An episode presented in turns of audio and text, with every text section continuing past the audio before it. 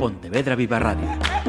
Cara a cara. Damas y caballeros, la Asociación de Directores de Informativos de Radio y Televisión da la bienvenida a Ayanta Bariris.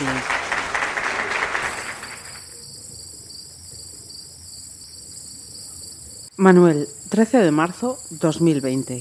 Casa de la Huerta. Noche fría. Fumo en el porche a oscuras, envuelto en una manta, con el ordenador encendido. Tengo una tos insidiosa, seca, de perro. Reviso el correo. En el buzón, un documento sin mensaje, sin firma, sin asunto. Es un vídeo. Abro el archivo y aparece una niña con trenzas y un albornoz naranja. Ladea un poco la cabeza, sonríe. Hunde la cuchara en un cuenco de sopa. La saca repleta de letras. Mira a cámara. Sus ojos son los míos. Y su inocencia es un corte fino de navaja en el tiempo, que escuece, que duele, que mata. Es Anita, mi hija, con cinco años. Congelo la imagen. Contemplo su rostro fijo, en pausa. El pelo rubio, las gomas de las trenzas, cada una de un color. La cadenita dorada del cuello. La mano pequeña que sujeta una cuchara colmada de palabras posibles a la espera de ser escritas. El mail ha llegado a medianoche, 13 de marzo, y cumpleaños, 90. Nunca pensé que alcanzaría esta edad. Vibra el móvil, parpadea su nombre.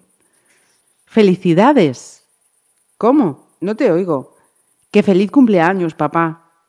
Ah, sí. Gracias, hija. Ya veo que lo andas celebrando por mí. ¿Dónde estás? En un restaurante. Nos vemos mañana, ¿vale? Acuérdate de abrir a los del catering a las nueve. Yo llegaré un poco más tarde. Beso, padrecito del alma. ¿Me has enviado tú la película? Anita, hola. Ha colgado. Regresa al silencio. Le doy al play. Anita vuelve a tener cinco años. Dibuja apoyada en la barra americana de la cocina, naranja como su albornoz y, de vez en cuando, mira el objetivo. Al fondo, un gran cuadro desenfocado, la fotografía de un vestido rojo tendido al cielo que cosió mi madre, que heredó mi mujer y que mi hija guarda como si fuera una reliquia. Las primeras imágenes son de una conversación pillada a medias entre Anita y yo. Que hiciste una peli y yo te dije, por favor, por favor, enséñamela, enséñamela, y tú, no, hasta que cumplas 18 no. ¿Eso dije yo? Pregunto detrás de la cámara.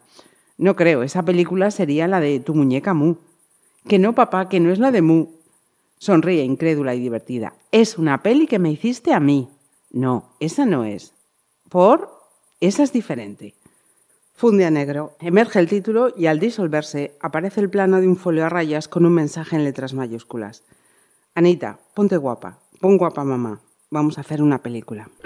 Sufro otro ataque violento de tos. Doy una calada al puro y me viene a la cabeza mi hija, preparándose para empezar a rodar lo que ahora, 60 años después, observo como espectador. Corría despeinada hacia su madre, con una mancha de chocolate en el jersey. Llevaba consigo la caja de maquillaje que le habíamos regalado. Tenemos que ponernos guapas, mamá. Lo ha dicho papá.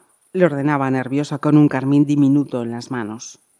Sus figuras se deforman y evaporan entre el humo denso del puro. La de su madre, que mantiene los párpados cerrados, trémulos, la de Anita, que le pinta los ojos, los labios, que emborrona la cara niñada, tan hermosa de mi mujer, de Laura. En la mesa del porche, unas candelas prendidas, una botella de whisky, un vaso ancho con hielo y el ordenador, cargado de reminiscencias. Un duelo mano en la acera deshecha. No debería fumar. Tampoco debería beber. Pero ¿para qué dejarlo a estas alturas? Siento una presión en el cráneo, un dolor en la nuca y un revoloteo dentro del tórax. Necesito tranquilizarme, pero un sollozo me muerde la boca del estómago, trepa por el pecho, escarba la garganta, brota en la boca, me empaña la vista. Mientras, la película continúa. Una recién nacida que mama, que duerme, que se chupa el dedo. Una niña que gatea, que da sus primeros pasos apoyándose en la pared, que monta en un triciclo por el pasillo, que descubre las cosas a su altura y se hace grande o pequeña, como si se hubiera bebido el jarabe de Alicia, la de las maravillas. Un plano doble, partido, en el que Anita camina y toma sola el biberón, come un plátano y llora. Y parlotea y arrastra una muñeca enorme a todas partes. Y escudriña el horizonte subida en el tomo del María Moliner. También saca la lengua. Se le ha caído un diente. ¿Por qué está duro si es de leche? Pregunta muy seria, mostrando el colmillo en la palma de su mano. Y pasa el tiempo. Tres dientes menos. Una puerta diminuta recortada en el rodapié del cuarto. La mano infantil tira del pomo hecho con un alfiler de cabeza perlada. Abre la puertecita y descubre el dormitorio del ratoncito Pérez pintado en perspectiva. un pavimento de baldosas blancas y negras, una pequeña cama, una mesilla de noche con su lámpara. Anita se asoma por el lateral del visor, deformada por la lente, deslumbrada por el hallazgo. Cambia el plano y está subida a una bici con un gran lazo. Dentro de la cesta del manillar, un gatito blanco y gris.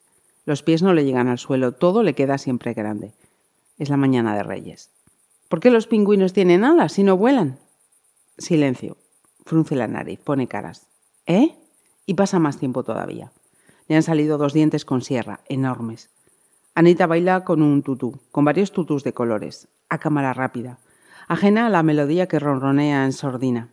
El pelo suelto, luego recogido por una cinta, más tarde en un moño tirante, alto. Una niña que revolotea entre tules, que gira con los brazos en alto, que mira hacia arriba, que se ríe y barre las nubes aceleradas que vienen y se van y vuelven marcando los lindes de un decorado celestial. Sube la música y se eleva como un sol inmenso en la alborada, preludio, complaciente que enreda y trenza su compás con la voz nueva. Anita canta. Pinocho fue a pescar al río Gua, Gua, Guadaltivir. Guadaltivir. Se escuchan nuestras carcajadas por detrás, las mías y las de Laura. Se le cayó la caña y pescó con la nariz. Y el tiempo sigue su curso. Le han crecido todos los dientes, sonríe sin huecos. El gato blanco y gris ha crecido y la muñeca de trapo, a la que le falta un brazo, nadie sabe por qué, duerme abandonada en el baúl de los juegos. Anita celebra su cumpleaños en el jardín de casa, lleno de niños. Tiene la cara pintada de manzana. Pide un deseo imposible, que su madre regrese a casa. Apaga las diez velitas de un soplo, pero vuelven a encenderse solas y rompe a llorar, desconsolada. Me sirvo un whisky doble con hielo. Lo acompaño con otro puro. Necesito entrenarme un poco para ver esta película, este regalo envenenado. 90 minutos de tortura. 90, como mis años. Una tormenta emocional insoportable, hipnótica. Pinocho fue a pescar al río Guadalquivir, se le cayó la caña y pescó con la nariz. Consigue cantar de corrido una Anita algo mayor, más delgada, más tímida. Aplaudimos todos con entusiasmo. El gato blanco y gris ronronea. Sonrío al vernos de nuevo. Mirar atrás me produce una nostalgia estúpida, cursi incluso. Nunca di importancia a lo que me rodeaba. No aprecié la belleza de las cosas, la finura de los gestos y las maneras, la profundidad de las palabras. Malgasté y desprecié un mundo que ya no existe. Lo dejé pasar, convencido de que nada cambiaría. Lo que ayer me aburría o me irritaba, hoy me parece extraordinario. Me he hecho viejo.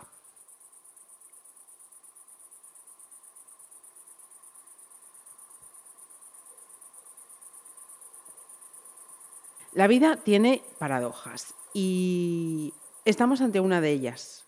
Una autora, Ayanta Barili, que promociona su última novela, Si no amaneciera, en la que vamos conociendo a una familia y más exactamente a un padre y una hija durante las últimas 24 horas del primero.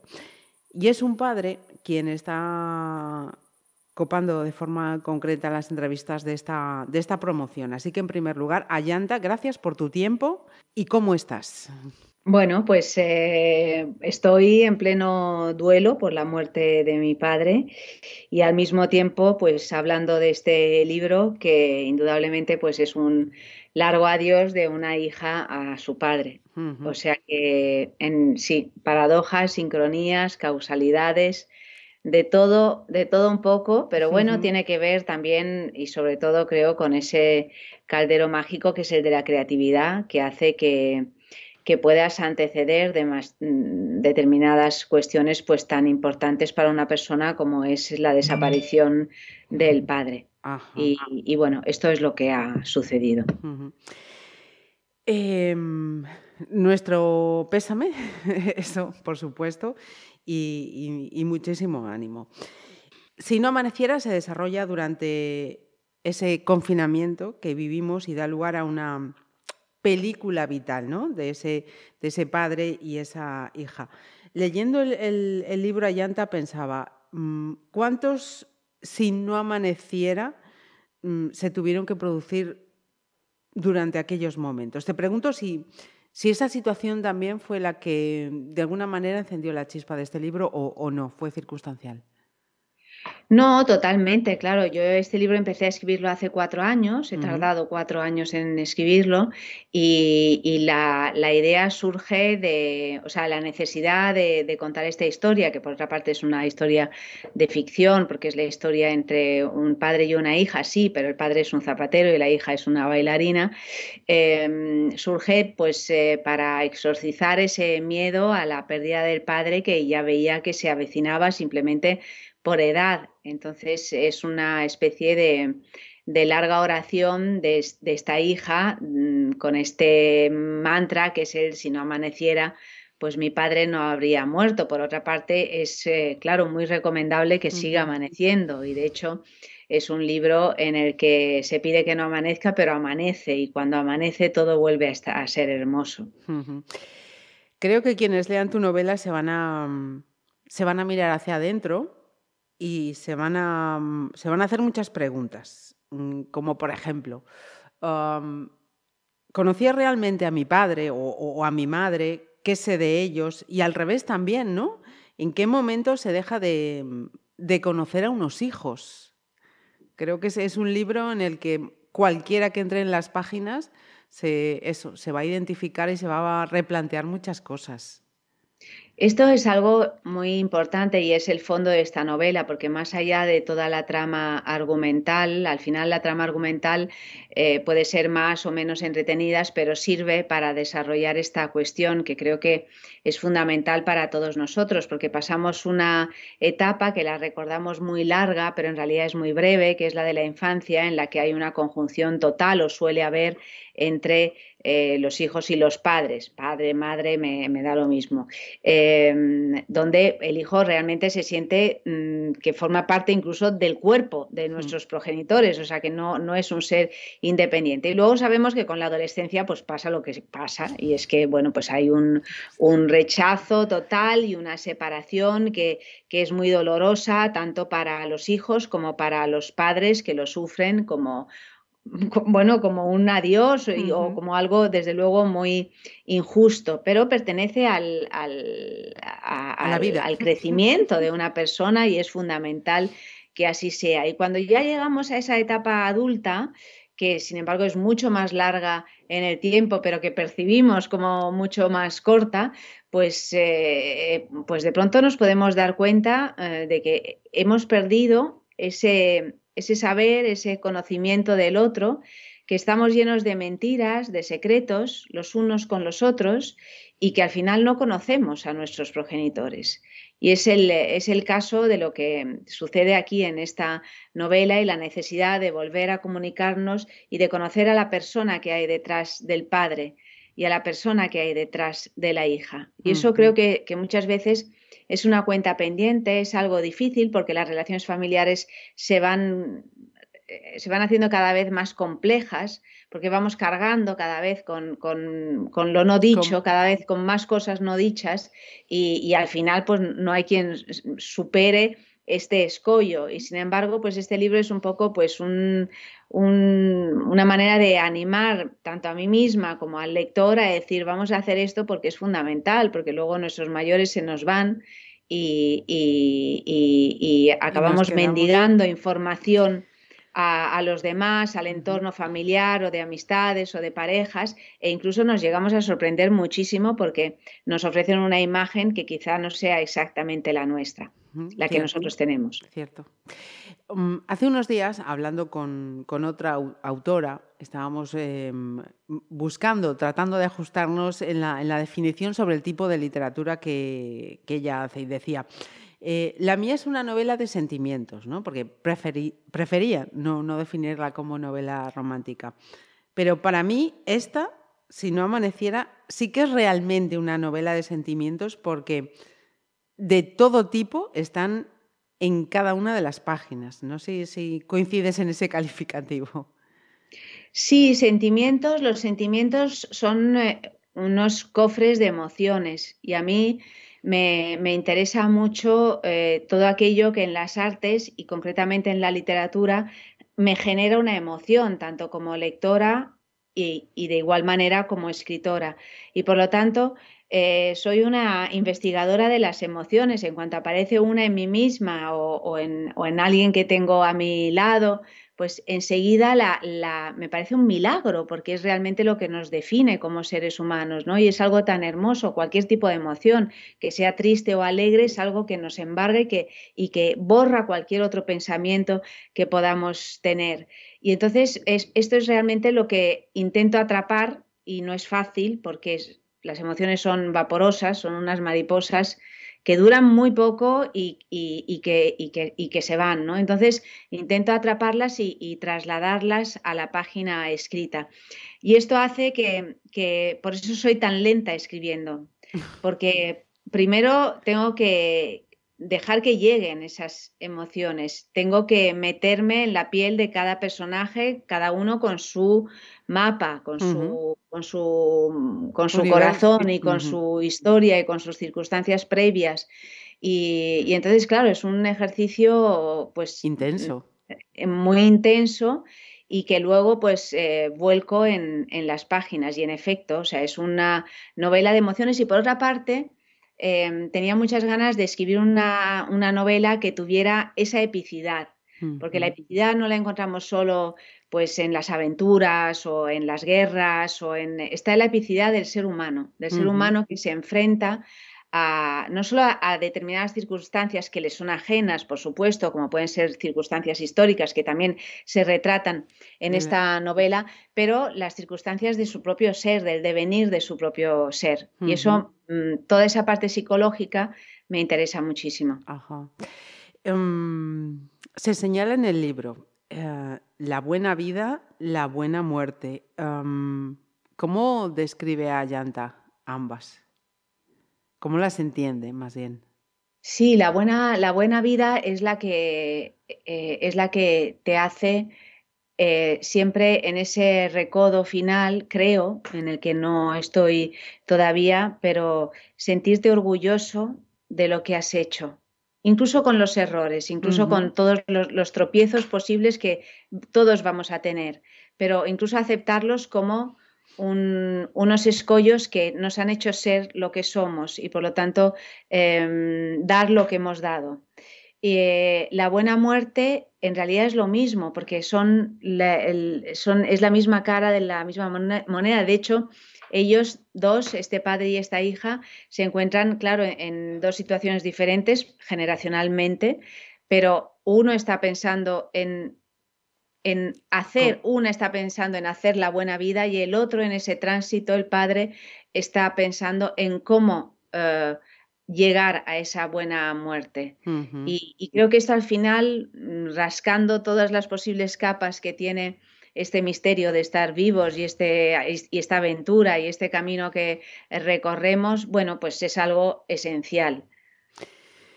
Hay también otra frase en la novela que más o menos eh, creo recordar que dice que mm, renunciar a tu vocación conlleva un largo duelo. ¿Hablabas de Anita o hablabas de, de?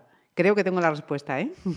Está todo mezclado porque mm, yo he sido siempre una persona muy vocacional y siempre me han eh, arrollado eh, grandes pasiones que tienen que ver eh, no solo con el amor, que también, sino con el trabajo mm, o, con lo que uno quiere desarrollar en la vida. Entonces, una de mis primeras grandes amores, mi primer gran amor fue el ballet clásico. Mm, pero amor en, letras mayúsculas y, que todavía sigue y convive en mí.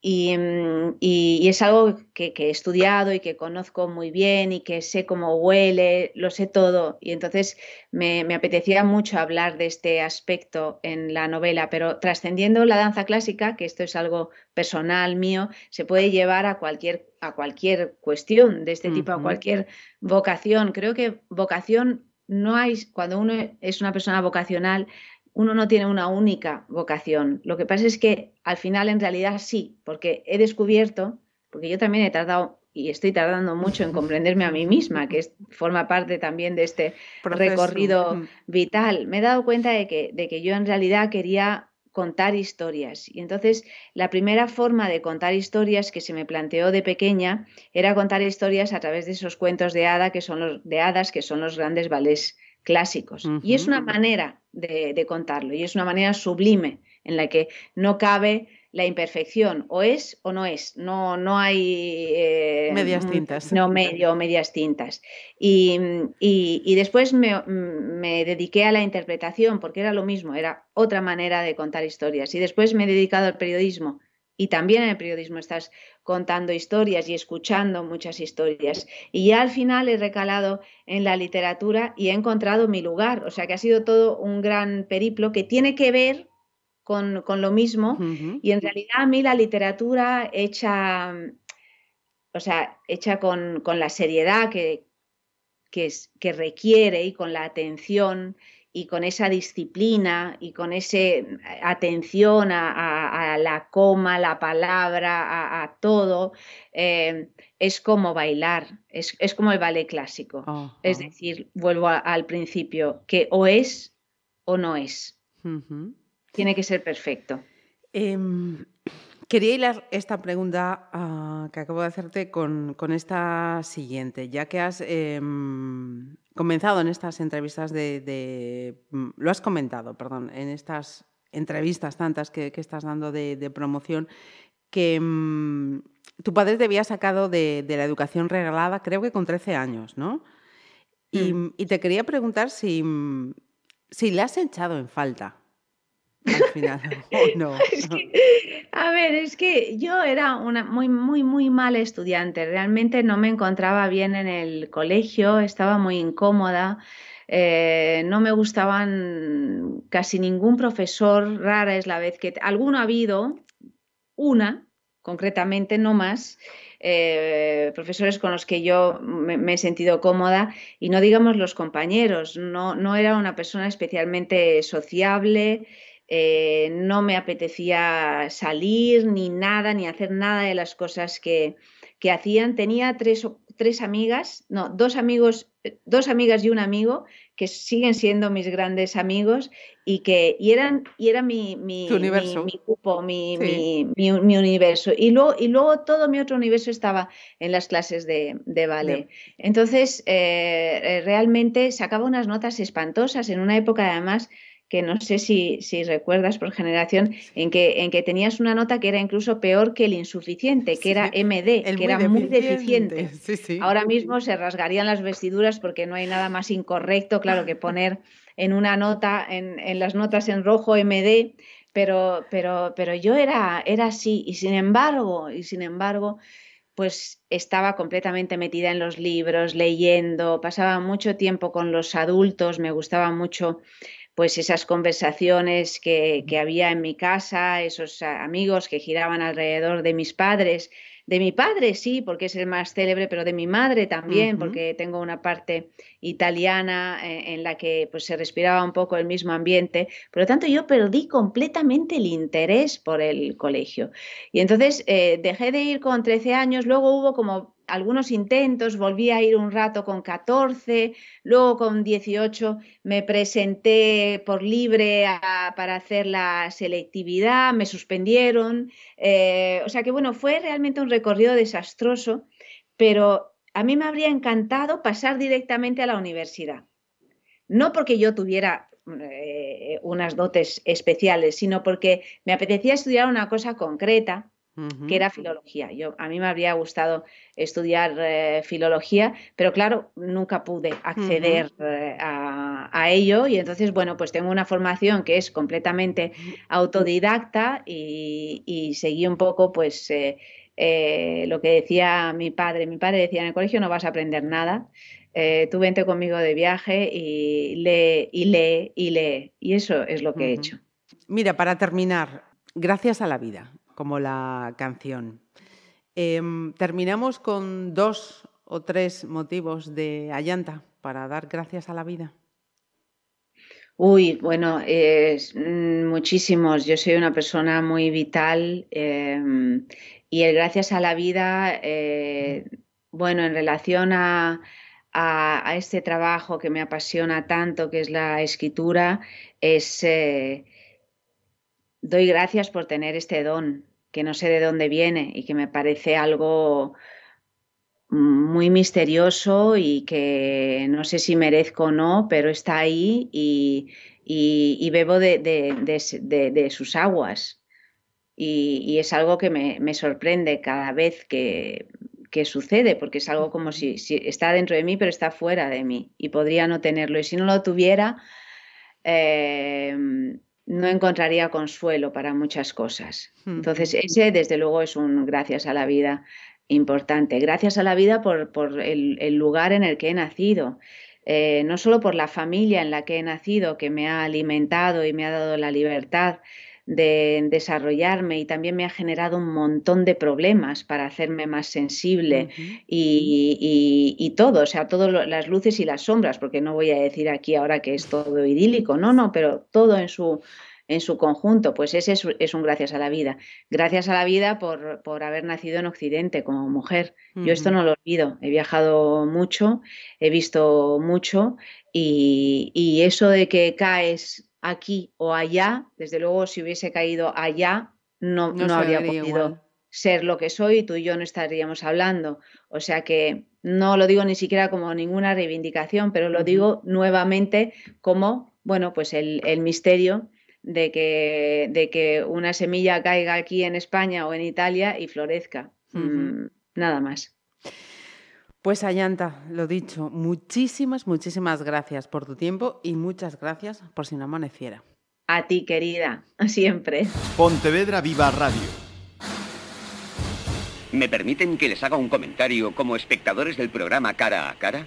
Según un reciente sondeo de mercado, Ustedes disponen de estudios e inteligencias superiores a la media. Sus intereses abarcan desde la actualidad mundial y la ciencia hasta el deporte y los espectáculos.